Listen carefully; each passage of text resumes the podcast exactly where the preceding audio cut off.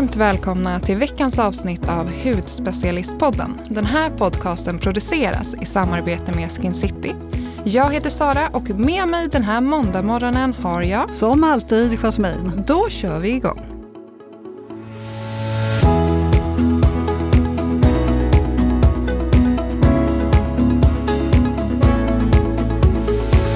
Hur har din helg varit Jasmin? Den har varit så härlig.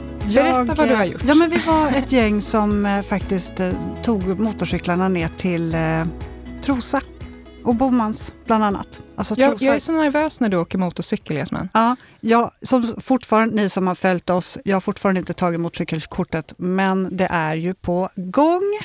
Eh, så du, men jag sitter fortfarande bak på. Jag tänkte det, kör hon ja. olagligt nej? Nej, nej, inte, än, inte än säger jag. Nej, jag kör verkligen inte olagligt. Eh, jag sitter bak på. Men det var väldigt mysigt. Vi var tre ekipage, så sex stycken, så åkte vi ner till Trosa och sen så var vi i Mariefred. Och, nej men alltså, det, var ju, det är så mysiga vägar, man ser så här mycket härliga gårdar, man ser så mycket Alltså det, det blir, man tar in dofter, man tar in vyer, det, det blir något helt annat. Och så när man åker på de här små vägarna eh, bland gamla sommarstugor och så lite grusvägsaktigt. Det är nästan så att man åker, folk sitter liksom på sina uteplatser och fikar och, och sådär. Det är nästan som man är inne i deras trädgård lite grann. Det blir, det blir sån närhet. Gud det är så underbart. fantastiskt mysigt. Det är så, så det härligt att göra sådana här små weekends. Det behöver inte vara att man åker jättelångt. Nej, verkligen inte. Och, nej, men Trosa är, jag är riktigt förälskad i Trosa. Så dit, eh, dit åker jag gärna tillbaks. Hur har din helg varit? Hur går det med lägenheten? Äh, vi har lagt upp lägenheten nu och så får vi se. Marcus vill ju flytta till hus så att vi, det blir nog hus. Du får lära mig all, allt du kan om blommor och trädgård för jag kan ingenting. Jag trodde du skulle säga att du får lära mig allt om blommor och bin. det är en annan diskussion. jag ska lära dig allt jag kan, vad roligt. Ja. Spännande, ja får vi se. Vi får se, fortsättning följer. Ja. Men vi har ju med oss en gäst idag. Ja, men vi har ju en gäst här idag och det är ingen mindre än Johanna Gillbro. Eh, du är hudforskare, har doktorerat i experimentell dermatologi och har 15 års erfarenhet i dermatologi, eh, klinisk forskning och utveckling av hudvård. Du är också författare av eh, boken Hudbibeln och du har varit innovationschef och forskare inom hudvårdsindustrin. Dessutom så har du en podd tillsammans med Petra Kjellman, Huddoktorerna. Varmt välkommen! Ja, tack så hemskt mycket! Vad kul att ha dig här! Ja, det är inget dåligt CV du har alltså.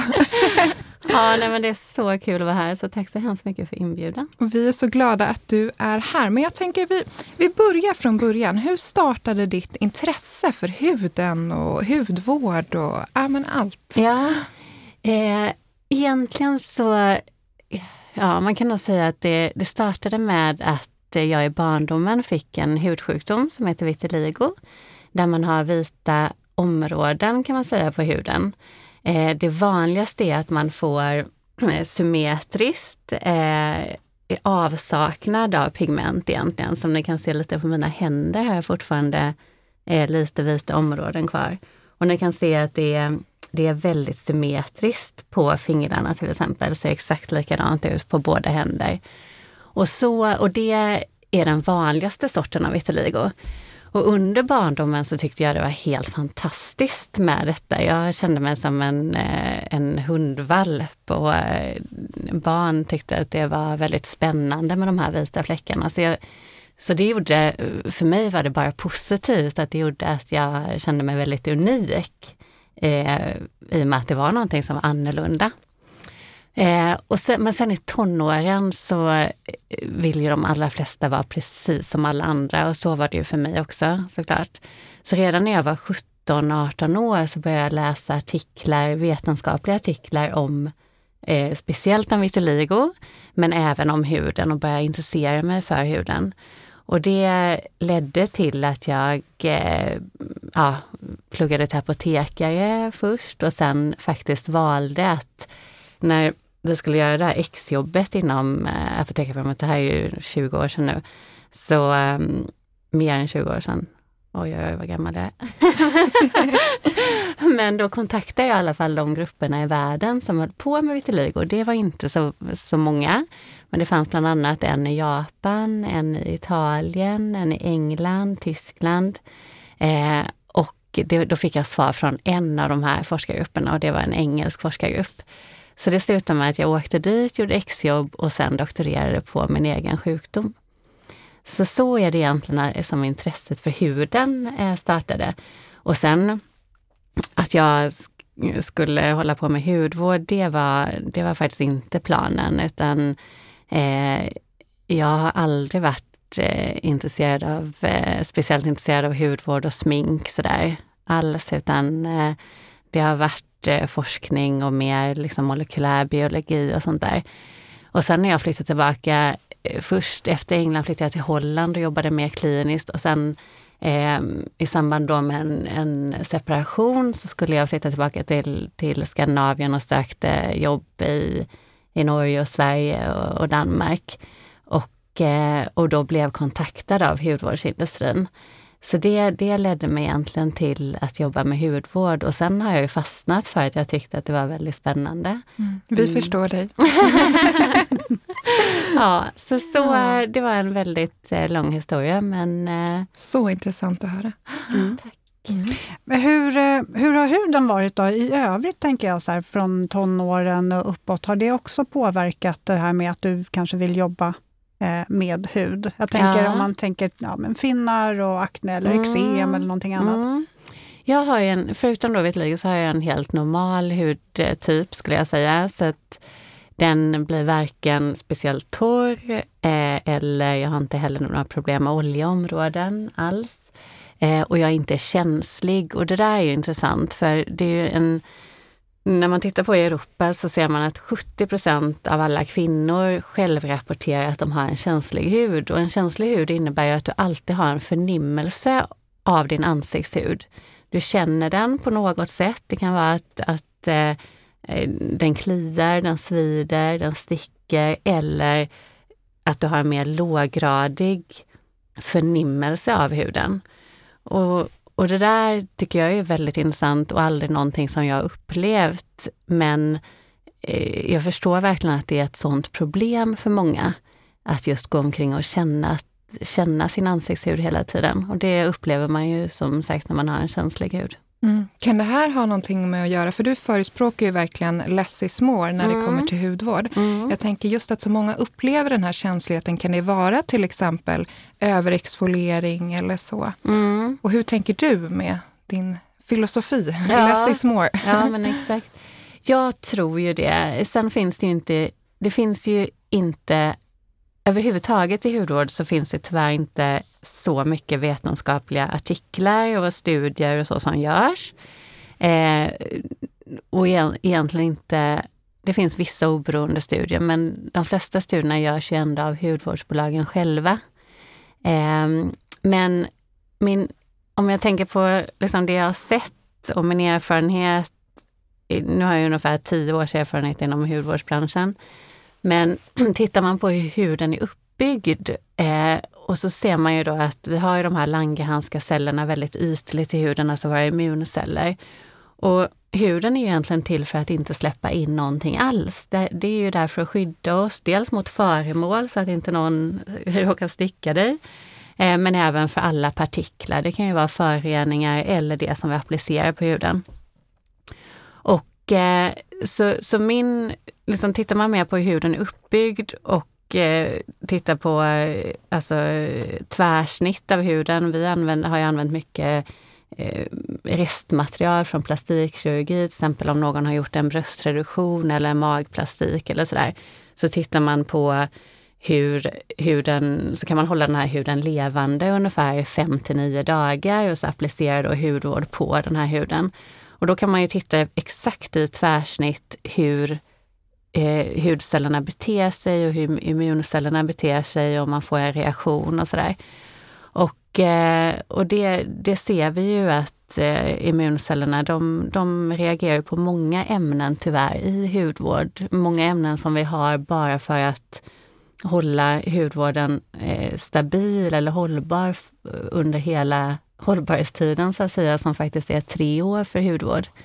Så att eh, jag tror ju verkligen på att försöka minimera så många substanser som möjligt och försöka minimera substanser som inte är där för hudens bästa utan som bara är där för produktens bästa. Och det är det som egentligen ledde in mig på konceptet färsk hudvård. Mm. Precis, för Skin Project är ju ett av dina projekt kan Ja. man säga, ja, Mm. med, med hudvård och Ja. färsk hudvård. Eh, Så det tänkte jag också att du skulle få berätta lite mer om. För att om man, om man tänker då ingredienser, för nu är vi lite inne på det. Mm. Retinol, AHA, BHA, niacinamid, C-vitamin, E-vitamin etc. Det är ju, det är ju några in- ingredienser som många frågar efter. Eh, och vilka ingredienser är enligt dig de som sticker ut och som är stjärningredienser både i effekt och resultat? Mm. Eh, ja, ja, många av de här ingredienserna som du eh, pratar om, det är ju ingredienser som man har använt under väldigt lång tid. Så både AHA, BHA, BHA har, ju- har man ju sett i texter, 2000 år gamla texter, att man använder för allt ifrån det som verkar vara psoriasis till exempel, eller det kan vara hårda fotsulor eller också eh, vårtor och sånt. Så att man har använt BHA under lång tid.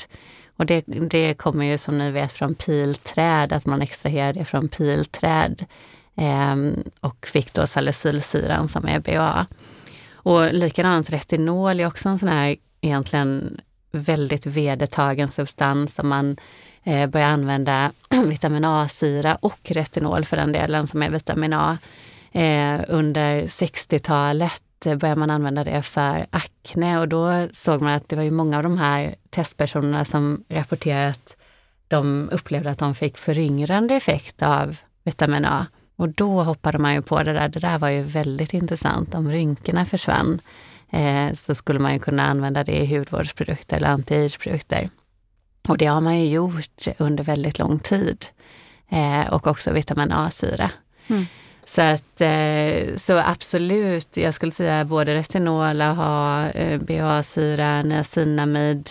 Niacinamid är också ett sånt där exempel som man såg redan på, på 1900-talet, att man hade den här bristsjukdomen pellagra som, som i och för sig inte bara, man får väldigt torr hud och hyperpigmenterad hud.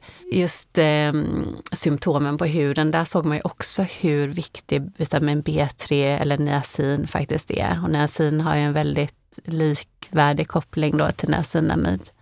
Så, så de här substanserna skulle jag säga, vitamin C likadant. Där har man ju sett speciellt på pigmentering att Tittar man på pigmentering, hur, om vi till exempel har en solexponering, det som gör att vi får en pigmentbildning, det är också att en syreradikal kommer till, eh, kopplas till tyrosinat som bildar då pigment. Och vitamin C eller andra antioxidanter kan ju då trappa, alltså mm, bryta ner den här syreradikalen och på det sättet minska pigmentering. Mm. Jag tänkte en annan debuterad eh, ingrediens är hyaluronsyran och dess effekt när det gäller molekylstorleken Dalton. Vart anser du att gränsen för att den ska bli liksom effektiv eh, går? Mm. Då skulle jag nästan, jag, jag skulle härleda faktiskt till, till eh, att det är en 500 Dalton-gräns. Så 500 Dalton är den gränsen som, där en molekyl kan penetrera det översta hudlagret, alltså hornlagret. Ehm, och sen beror det också, det är inte bara molekylstorleken som spelar roll utan det är också hur fettlöslig den är eller hur vattenlöslig molekylen är. Men eh, för att binda fukt i huden, då gäller 500 Dalton. Så intressant. Mm. Så om vi eh, kikar tillbaks lite på det här som vi har snuddat eh, vid tidigare, ditt eget hudvårdsmärke Skin Project, eh, där produkterna behöver förvaras i kylskåp. Alltså mm, pratar vi verkligen färsk hudvård. Kan du inte berätta lite om innehållet och vilka produkterna riktar sig till? Mm, absolut. Så anledningen till att vi faktiskt har startat ett Eh, ja, hudvårdsmärke då, som du eh, beskrev det, eller ett projekt, för det, vi ser det som ett projekt eh, att försöka eh, skapa en förändring inom eh, hudvårdsindustrin. Och egentligen så har det här konceptet, eh, det har sin bakgrund i eh, mina år inom hudvårdsindustrin som forskare och som innovationschef. För det som slog mig ganska snabbt, det var ju att många av de här substanserna som vi använder flitigt, alltså mm, till exempel det som vi nämnde, retinol, vitamin C, men det är även många andra, som är väldigt känsliga mot luft, syre och temperatur. Till, och då behöver man inte ha höga temperaturer, utan det är även rumstemperatur. Och de bryts ner då väldigt snabbt och effektiviteten på produkten eller på ämnet minskar. Och eh, anledningen till att jag upptäckte det här först, det var ju för att när vi beställde, när vi skulle testa på de där hud, dels hudar då från plastikkirurgi till exempel, men även hudceller och beställer till exempel retinol eller vitamin C eller andra antioxidanter från olika kemi eller bioteknikföretag, då står det väldigt tydligt förvara sig frys eller kyl. Och då behöver man inte vara någon rocket scientist för att tänka, men vad händer med det här om det står i en hudvård i rumstemperatur eller i badrum eller under starkt lampljus i butikshyllan. Och då börjar vi titta närmare på det där och, och, mäta med olika analytiska instrument hur mycket finns faktiskt kvar efter tre månader i användning till exempel. Och såg att nej men de, den här, det bryts ju ner väldigt, väldigt snabbt. Så det var det första som slog mig. Det andra som eh, slog mig med det här traditionella förhållningssättet som vi har eh, när det gäller hudvård, att vi har tre års hållbarhet. Vi ska kunna frakta de här produkterna egentligen vart som helst över hela världen. Vi ska kunna sälja det på en butikshylla och vi ska kunna eh, hålla det i våra eh, badrum. Där behövs det ju väldigt mycket tillsatser. Och dels behöver det, behövs det stabilisatorer så att inte olja och vatten separerar. Eh, om man tänker en vinägrett, det är precis samma sak. Har du den stående så eh, har du olja och vinäger och vatten blandat eller separerat. Och, eh, och så blir det ju med en hudvård också om du inte har stabilisatorer och emulgatorer. Och, det, och sen eh, behövs det också mycket konserveringsmedel så att det inte börjar växa någonting i de här produkterna. Eh, och speciellt om man har då burkar där man kan vara nere och gräva till exempel med fingrarna. Jag tror de allra flesta av oss hade, vet ju precis vad som händer om vi hade doppat våra fingrar i en crème fraîche-burk till exempel, eller haft den i rumstemperatur. Då har man ju sett att eh, det här möglet börjar växa ganska snabbt och det, det på något sätt kan man, eh, kan man förstå väldigt lätt. Men att det skulle växa i en hudvårdsprodukt eh, bakterier eller svampar eller, eller så, det, det har de flesta av oss aldrig sett. Och anledningen till det, det är just konserveringsmedel. Och eh, ungefär för fem år sedan så började jag intressera mig mycket för tarmmikrobiomet. Alltså vad, hur påverkar vårt tarmmikrobiom huden? Och där fanns det då nya upptäckter där man såg att ja, men det verkar vara ett annorlunda mikrobiom, dels i patienter med eksem, atopisk dermatit, men även kunde man se en skillnad i personer som uppvisade rosacea eller till och med akne. Och sen eh, de sista åren så har man då tittat mer på hudmikrobiomet och sett att även här i många av, av eh, hudåkommor eller hudproblem så ser man ett, ett mikrobiom eller en hudflora i obalans. Och det här ledde också till att vi började titta på vad, vad gör konserveringsmedel för Konserveringsmedel i sig är ju antimikrobiella, alltså antibakteriella. Och vad gör de med vårt goda mikrobiom? För de allra flesta av våra bakterier som vi har på huden, de har ju faktiskt en väldigt god effekt för oss. Dels producerar de en mängd olika fuktbindande ämnen som gör att våra hudar inte blir så torra. Och sen är det även antiinflammatoriska substanser eh, och även antioxidanter som, som de eh, bildar. Och de här två faktorerna, alltså att med färsk hudvård så skulle vi kunna göra mer effektiva produkter. Våra substanser kan hålla sig i liv längre. Och nummer två, vi behöver inte lika mycket av konserveringsmedel, stabilisatorer och inget parfym till exempel. Eh, och andra ämnen som inte är i produkterna eh, nödvändigtvis för hudens bästa. Och jag hade eh, aldrig faktiskt inte haft någon eh, dröm om att skapa, bli entreprenör eller skapa något eget hudvårdsmärke. Det har inte varit på min, eh, på min eh, wishlist så att säga. men, eh, men den här idén, det, det återkom hela tiden för i varenda, varenda projekt som skulle utvecklas så, så, skulle, så insåg jag att men vi skulle kunna göra det här om vi gör det enligt färsk hudvård med kortare hållbarhet och kylskåpsbaserad. Så till slut så, så finns det inga, fanns det ingen möjlighet att inte göra detta. Nej. Jag tänker också, för nu kommer ju de som lyssnar tänka så här, men färsk hudvård, kylskåp, men hur gör man då? Kan de stå i badrummet några dagar? Alltså hur, mm. hur är mm. tanken? Ska ja. man eh, köra hela hudvårdsrutinen i köket? Ja, ja. intressant. Eh, väldigt bra fråga. Eh, för det här, just med kylskåps, eh, kylskåpsförvaringen, där, där tänkte vi att här kommer vi ha ett problem. Kommer folk verkligen orka att ha produkterna i kylskåp?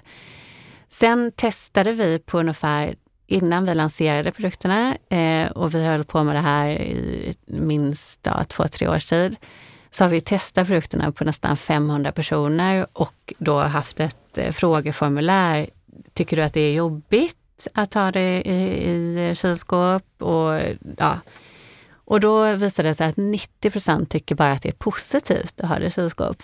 Och sen är det 10 och det kan jag säga, det, det, är intressant för de som bor i hus, du pratade om att du ville flytta till hus, eh, som har då kök och, och kylskåp då på olika våningar. Ja, olika våningar. Det här har de, jag hört. Ja, du har hört det. Ja. ja för de eh, har nog tyckt att det har varit lite problematiskt. Jag pratade med en kund som bara, kylen är på andra sidan huset. Ja, Men rengöringen behöver ju inte vara i kylen. Nej, det eller hur? inte vara. Så då kan man rengöra först, sen går man och gör lite kaffe och sen sätter man ja, på Medan kaffet blir, så blir klart. Så. Ja, och sen hoppas ju vi också att vi, vi hoppas ju att man kanske precis som att man, det är många som installerar en vinkyl till exempel i eh, i eh, köket att man kanske faktiskt installerar en liten badrumskyl i badrummet eller bara har en liten, det tittar vi nu på att utveckla, en liten, bara en liten behållare som man, ja, en pytteliten som man också kan ta med sig när man reser och sådär.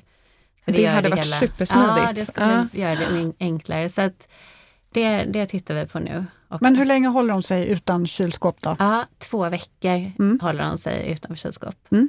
Så det är väldigt bra att veta och det har vi testat för också. Så då kan man ju ta med den till gymmet till exempel ja. och sen så ja. skicka tillbaka den? Ja. Absolut, det kan man. Och sen, eh, eh, och sen är det viktigt också att säga att det finns ingen risk med våra produkter i och med att det är kortare hållbarhet. Så finns det ingen risk för att det ska börja växa eh, mögel och svampar och sådär och det är en luftlös förpackning. Eh, så det, det finns ingen risk med det. Men däremot har man det mindre, eh, har man det mer än två veckor utanför kylskåp, då riskerar man då att effektiviteten av produkten påverkas. Att de här eh, aktiva substanserna då eh, förstörs.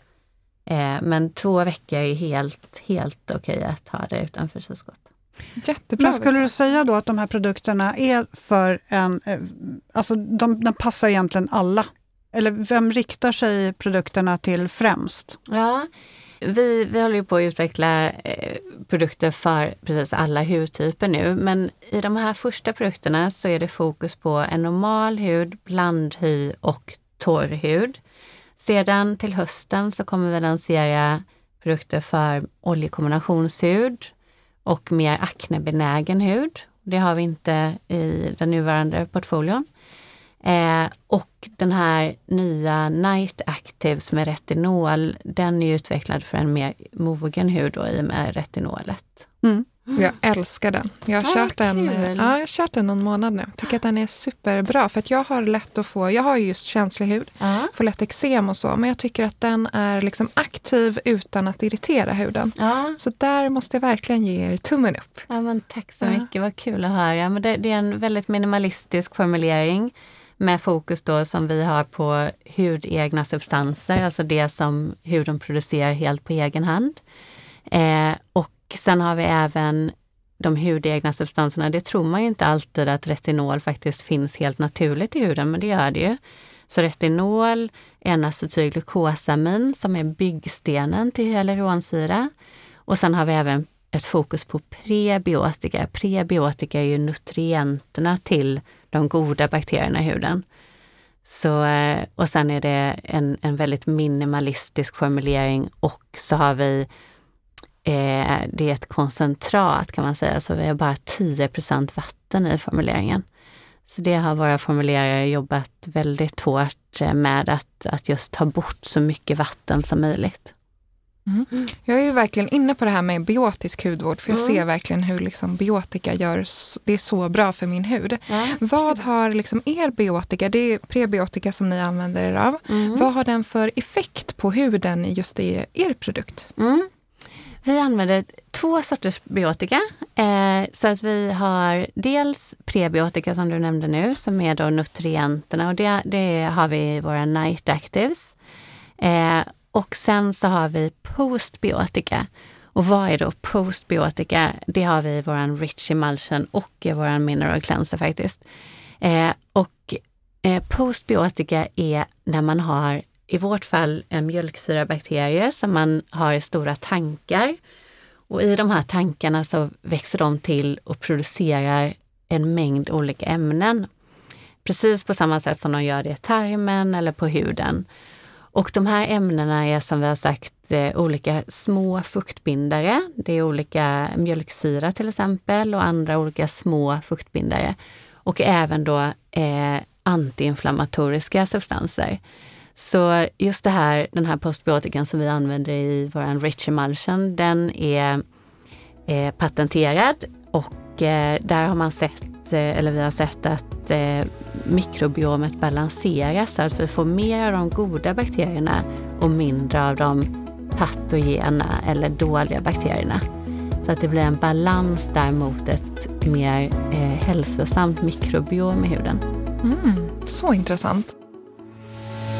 Ja, men det här är ju så himla spännande och intressant alltihopa så att Sara, vi får nästan eh, ha två avsnitt av det här. Vi kör en fortsättning nästa vecka med Johanna. Ja, vi rundar av helt enkelt och så får ni hålla er en vecka till så kör vi vidare. Ja, men Härligt. tipsen finns ju självklart på bloggen, på Instagram, hudspecialisten och glöm inte att mejla oss på podd.hudspecialisten.se. Allt stort som smått, frågor eller kanske tips på kommande poddavsnitt. Vi svarar på allt. Mm. Så får ni ha en fin helg så hörs vi nästa vecka. Det gör vi. Hallå, hallå, hej då.